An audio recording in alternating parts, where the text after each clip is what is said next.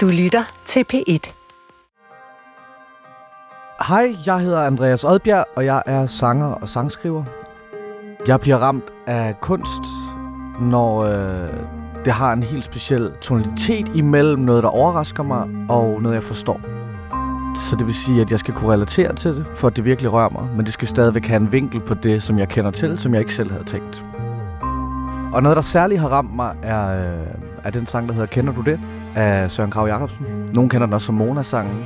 Og helt kort er det nok fordi, at det er et... Øh, især for mig som, som sangskriver nu i dag, når jeg kigger på det, er det øh, nærmest en umulig øvelse at lave øh, et, ja, en teenage-krønike, eller hvad man skal kalde det her, i en, i, en, i en sang på den måde, at det strider imod alt, hvad jeg mener, man kan sådan historiefortællingsmæssigt i øh, sin sangskrivning, øh, og samtidig så lykkes det 100% og øh, den har du jo lavet, Søren. Sanger, sangskriver og filminstruktør, der sidder her ved siden af mig. Ja, jeg er meget smiret faktisk Nå, over, at du har inviteret mig ind. Nå, fantastisk. Hvordan kan du mærke, når du bliver ramt af kunst? Jamen, jeg kan mærke det på mange forskellige måder, og jeg synes, at vi bliver omfavnet af kunst hele tiden. Det er også fordi, at jeg synes, der er så meget. Jeg synes sådan set, det hele er kunst, og jeg kan ikke forstå, at det skal være så svært at forklare. Men det er det også for mig. Sige, hvad er det kunst egentlig er?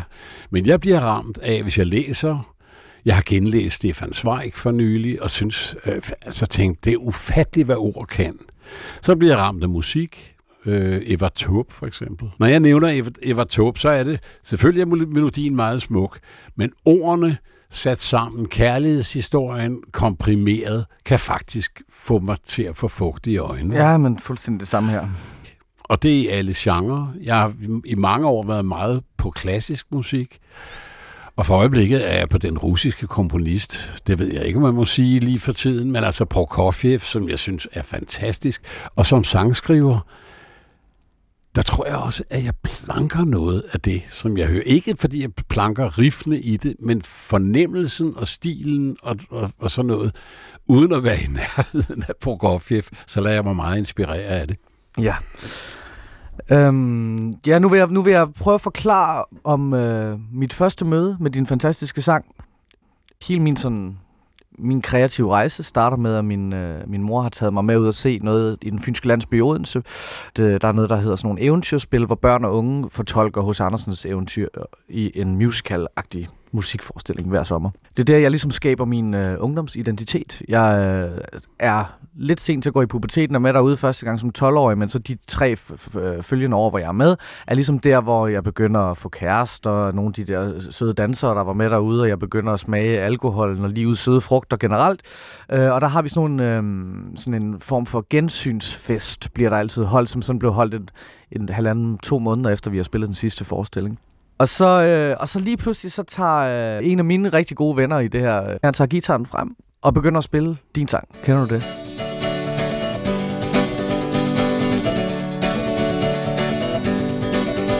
Jeg sad ved anden bord i rækken, det var tredje skoledag.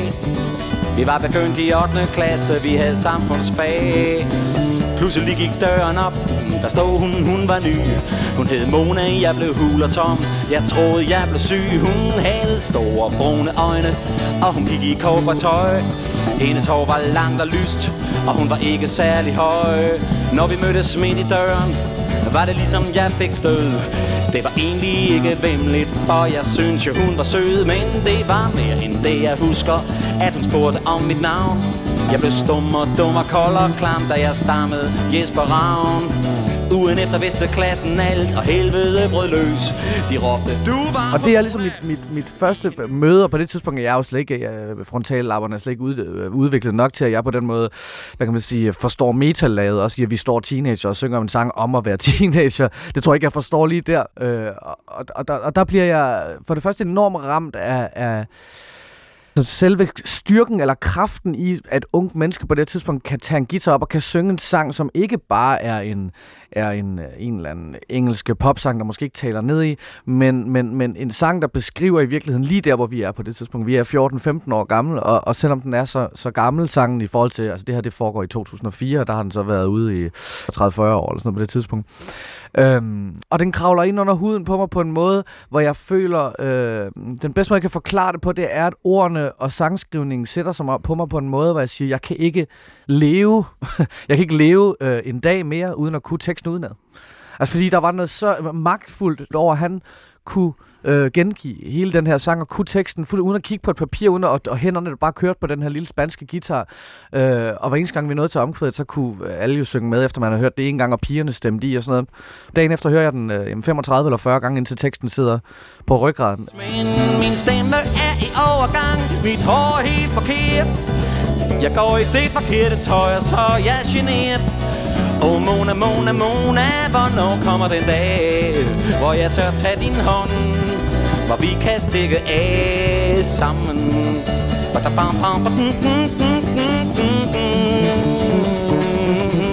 Og der er jo to møder med den. Det, det, er, møde, det er teenageren, der møder sangen, der, hvor jeg ikke rigtig, jeg kan slet ikke placere hvor i kroppen, øh, altså hvorfor er det, det, det, det fungerer? Det virker sådan på mig, det virker bare. Øh, det er catchy. Jeg kan relatere til det der med at være forelsket i nogen, det er svært at sige det til. Alle de der ting sætter sig på mig. Øh, og så er det jo ligesom en åbenbaring, der kommer over øh, flere, fordi så er jeg jo øh, spoler tiden 10-15 øh, år frem, og jeg kommer på konservatoriet og begynder at studere sangskrivning og dy- dykke ned i det der fag af at skrive. Og finder meget hurtigt ud af en vellykket popsang. Øh, skal du ikke ville fortælle for meget?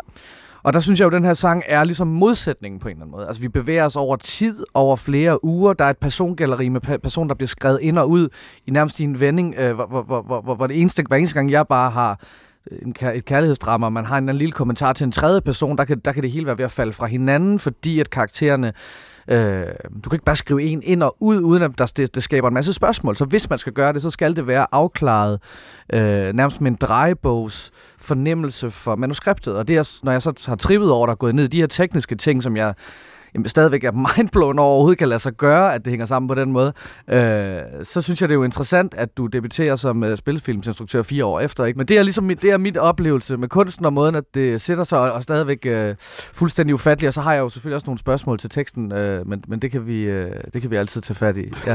det, det var, tak skal du have. Det var en lang en.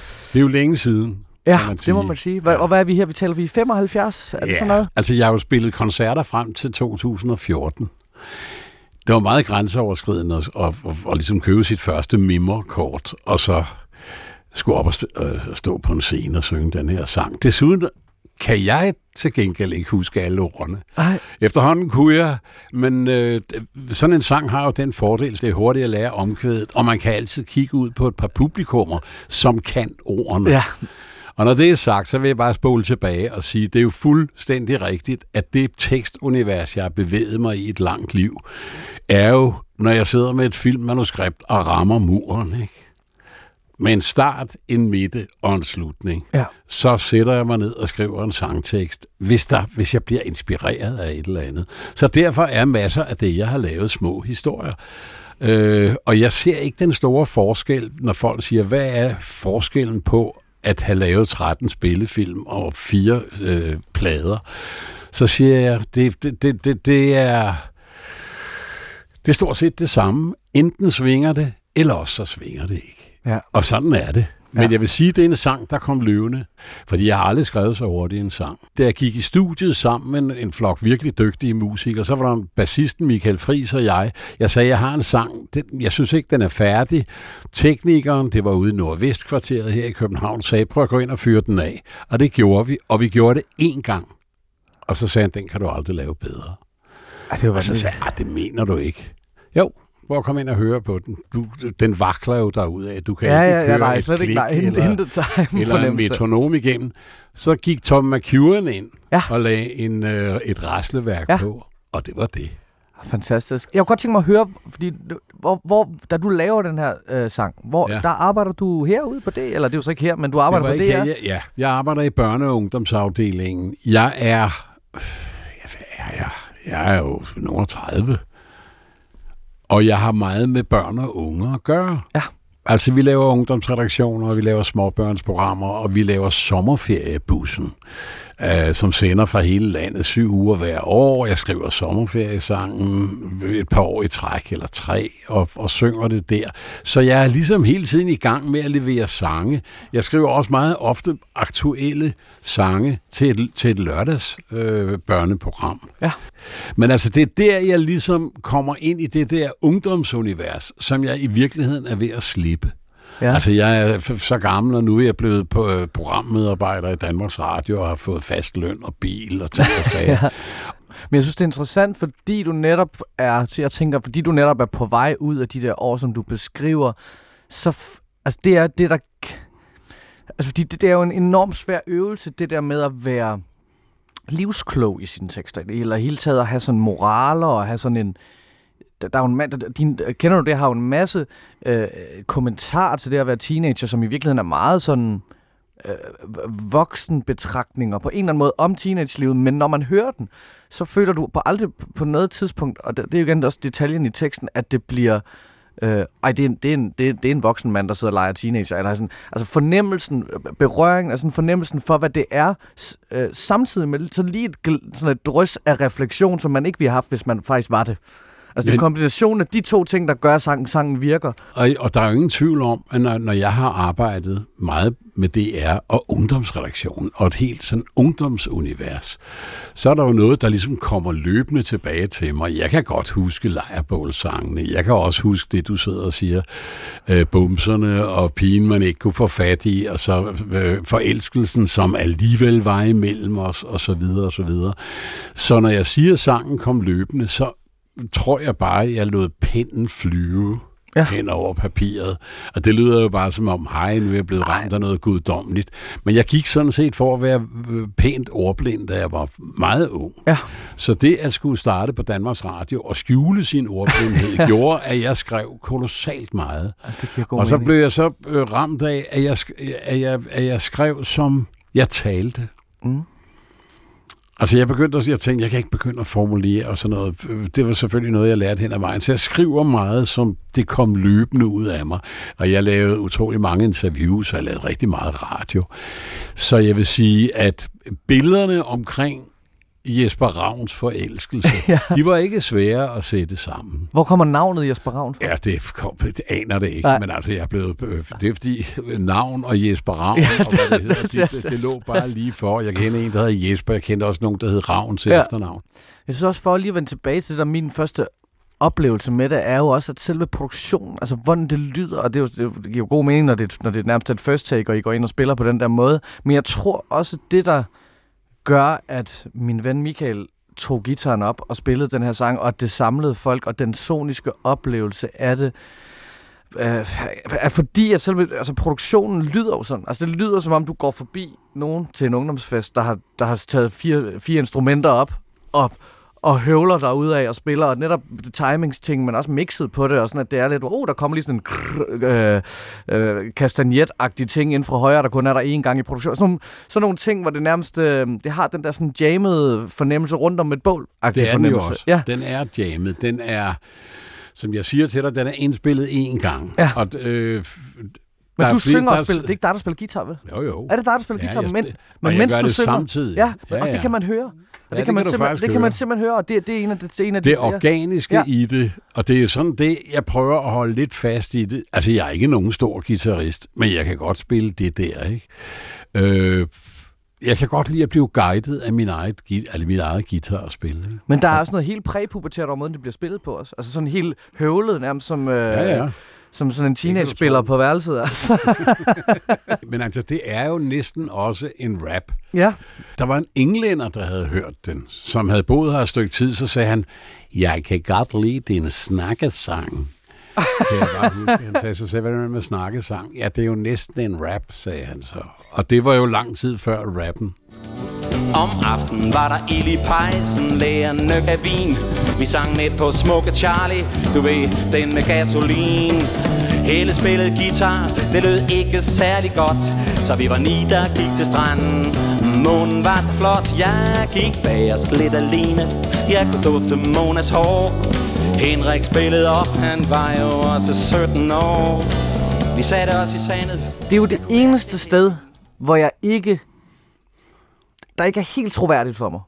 Og det er derfor, jeg har det spørgsmål. Hvorfor er Henrik 17 år i 8. klasse? Man kunne sagtens have sunget 15 år eller 16 år, hvis han var noget, men 17 år i 8. klasse. Der kan du se, hvor lidt jeg ved om at gå i skole. Det er jo, ja, men det er jo fuldstændig... Ja, ja. Altså 17 år, der er man jo der er man, der er man i sådan noget 2G ja, eller sådan altså, noget. Men på en eller anden måde tror jeg, at altså ord er jo også som en bismarcksklump. Ikke? Ja. Altså, det er jo som et bolsje. Og på en eller anden måde er der noget over 17, som ikke er der over 15 og 16. Ja, men du, 16. Du, du har ret. Du har så, ret. Det, så det har sikkert været øh, på det alder, at jeg har lagt, okay, 17. Ja, det er ikke første gang, jeg har hørt det. Men han kan jo også være gået han var om... sinke. Jamen, jamen, det var det, han kunne være gået Men om tre gange. Men han så super godt ud. Ja, rigtig dum og rigtig smuk.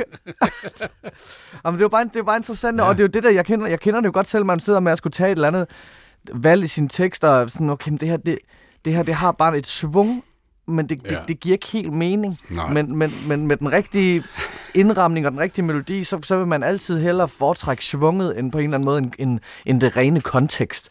Altså, altså på en helt eller anden måde. 100. Ja, ja. Helt 100. Finder du et eller andet melodisk, uanset hvor absurd det er, der passer ind og forgylder, hvad du ellers har skrevet, ja. så, må, så lad folk sidde og digte. Ja. Altså, det er jo det, som jeg synes... Øh, jeg fik i hvert fald ud af at være i børne- og, og ungdomsafdelingen. Altså, jeg delte kontor i mange år med Thomas Vinding, som lavede den ene absurde børneudsendelse efter det andet. ja, Døren går op, og vinden kommer ind. Der ja. står en dør midt ude i en skov, ja. og der kommer alle mulige ind. Ikke? ja, og Thomas havde et udtryk, der hedder indlæring med ryggen til. Og det var noget, som jeg øh, virkelig blev imponeret over. Så sagde han, når jeg laver noget, så skal børnene lidt op på tæer. Ja. Fordi vi lever i det fladeste land, du næsten kan opdrive. Vi har ingen råstoffer. Vi har et, vi har vores børn. Og hvis de tager, lærer at tænke abstrakt og anderledes, ja. så kan vi nok leve af det.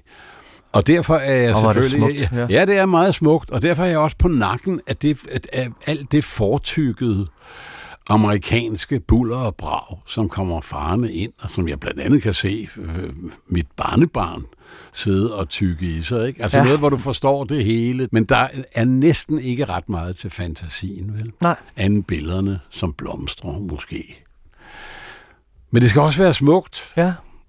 Men det er absurde, og derfor øh, lagde jeg faktisk ud med i min tidlige ungdom sammen med Leif Lindskov at skrive meget absurde tekster. Ja. Når skovene brummer. Ja. Altså, øh, og, og, og, og stort set noget fuldstændig baglæns, øh, forhåbentlig musikalsk vrøvl. Ja. Altså, jeg skrev gamle, altså sange, som jeg tænkte, de lød nok, som om de var skrevet i 1500-tallet. ja. øh, altså, hvor jeg legede med det her sprog, som, som, øh, som jeg siger, var som alt, hvad jeg synes smagte godt af ord. Ikke? Som man så kunne proppe ind i det. Øh, skumpelskud og hvad det hedder, ja, som ja. man brugte i, i, i gamle dage. For øjeblikket er jeg jo musikstudie. Der er netop skrevet en, en sang, der hedder Det tabte sprog, så, hvor jeg bruger alle de ord, som jeg kan huske min morfar og mormor og min mor og far brugte, og som ikke findes mere. Ikke? Ja. Og det har været en enorm sjov øvelse, for ligesom at finde ud af, øh, i dag, hvor, hvor vi blandet virkelig meget op med udenlandske, især amerikanske betegnelser for alt muligt, og forkortelser, ikke? Ja. Som sådan en ældre herre som mig, nogle gange har svært ved at kapere, ikke? Altså det, man skriver for eksempel i en...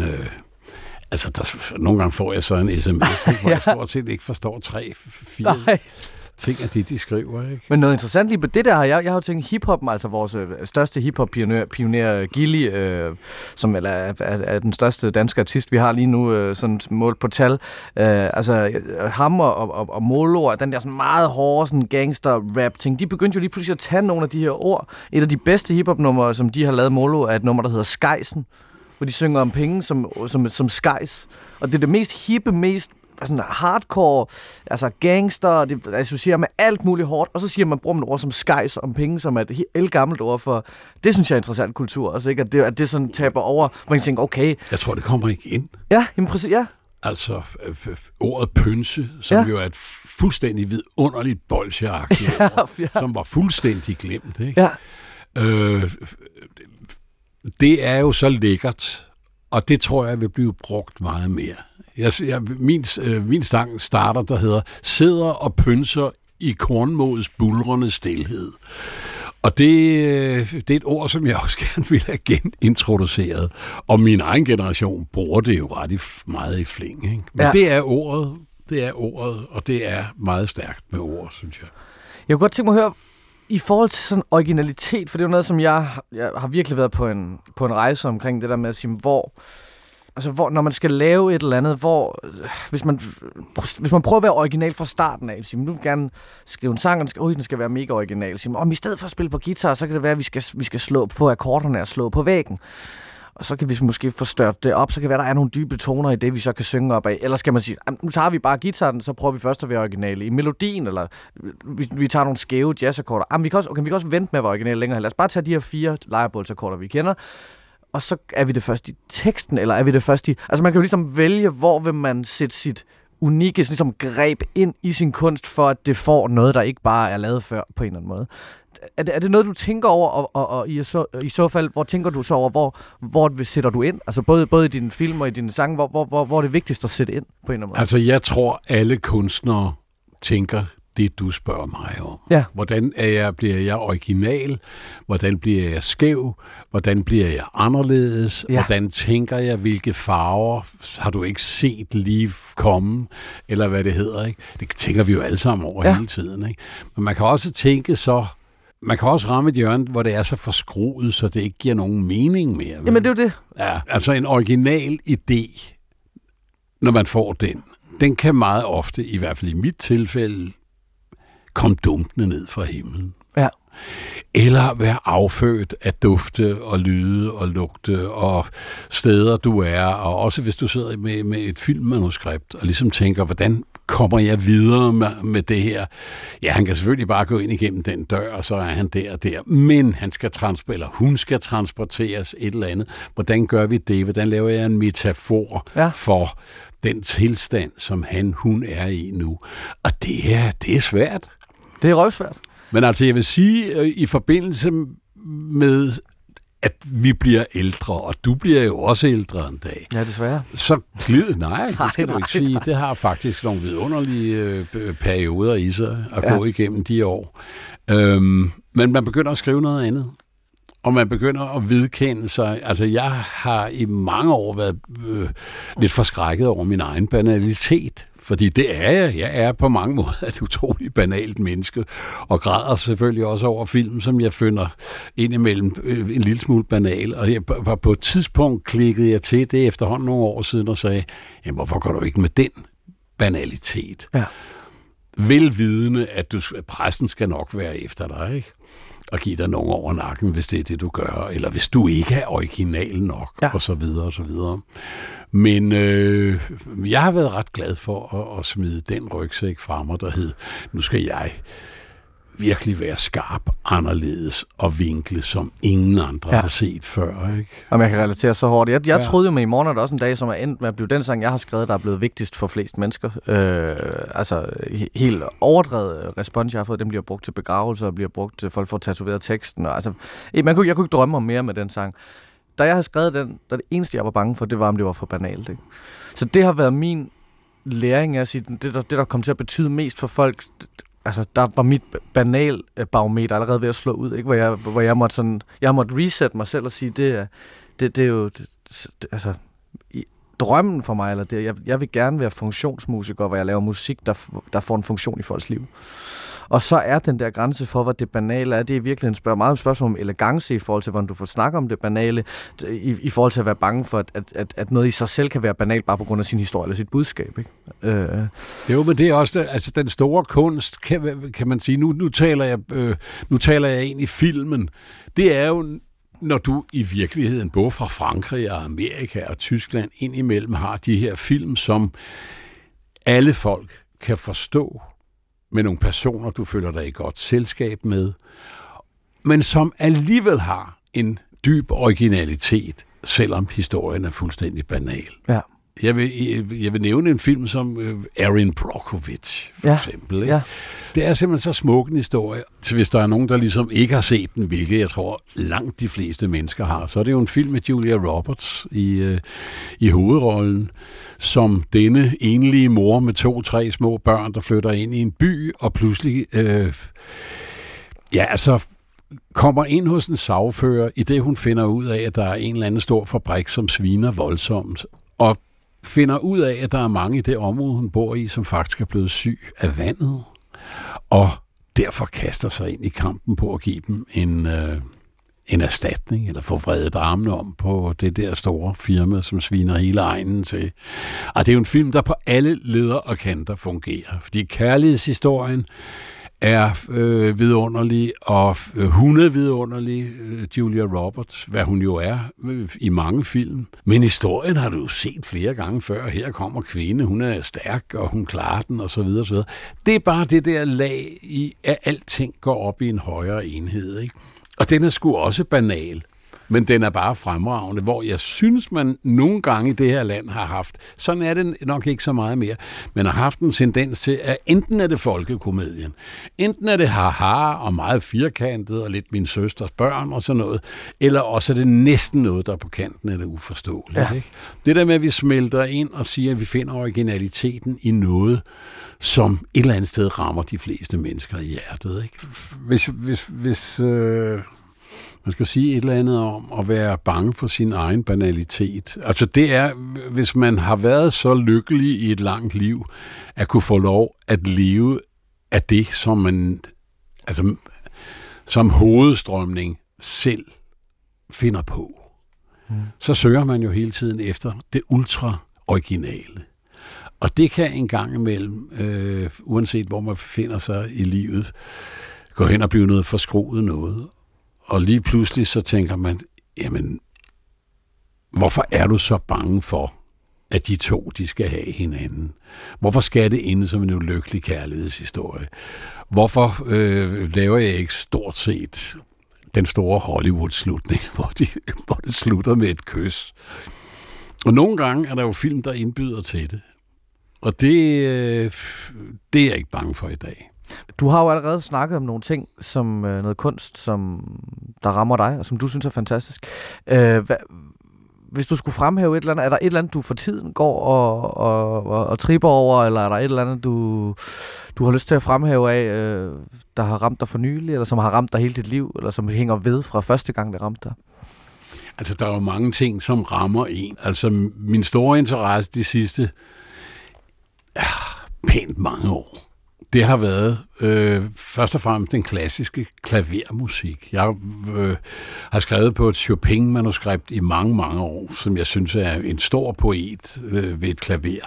For øjeblikket er jeg på de store orkesterværker. Altså, det kan være Beethoven, det kan være øh, meget mindre kendte komponister, som rammer mig. Men jeg har det faktisk sådan for øjeblikket, at jeg på min store iPad, inden jeg går i seng, tager 10 minutter med et eller andet stort symfoniorkester.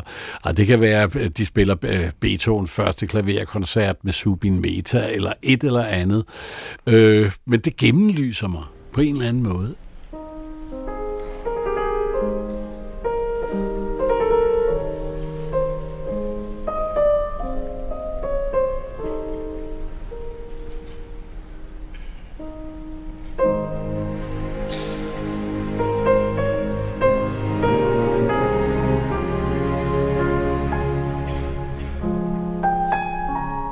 Altså, jeg bliver glad af det, og jeg tror, jeg sover bedre. Fordi jeg tror faktisk, at det er vigtigt, måske, måske mere i min alder, at man ikke øh, falder i søvn til Batman Begins, ikke? Ja. eller en eller anden morderfilm. Ja. Så derfor tænker jeg, et smukt lyrisk stykke musik, inden man falder i søvn. Jeg tror, man sover bedre af det.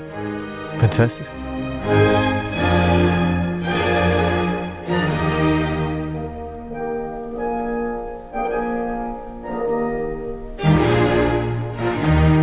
Det var en fantastisk oplevelse for mig, det her. Jeg, jeg, jeg var faktisk... Øh, jeg var lidt nervøs inden. Det er sjovt. Jeg skal lave et eller andet talkshow, hvor man skal spille der og spille musik og sådan noget. Der, der er jeg ikke skyggen af nervøs, men den her samtale med dig var... Øh, ja, det var jeg lidt nervøs for. Øhm, Men, øh, men jeg synes, det gik rigtig godt, at vi kom godt igennem det. Det var godt, du var lidt nervøs. Men det er godt at være Det gør nervøs. ikke spor. Det gør ikke. Det er dejligt. Det, det, det, det er ærefrygt. Det, det. det behøver det ikke at være. Nej. Øhm, det her, det var Ramt af kunst med Søren Krav Jacobsen, sanger, sangskriver og filminstruktør.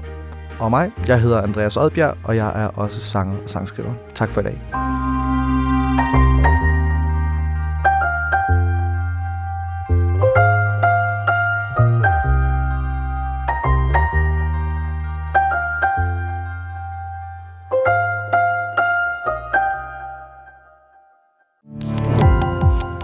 Gå på opdagelse i alle DR's podcast og radioprogrammer. I appen DR Lyd.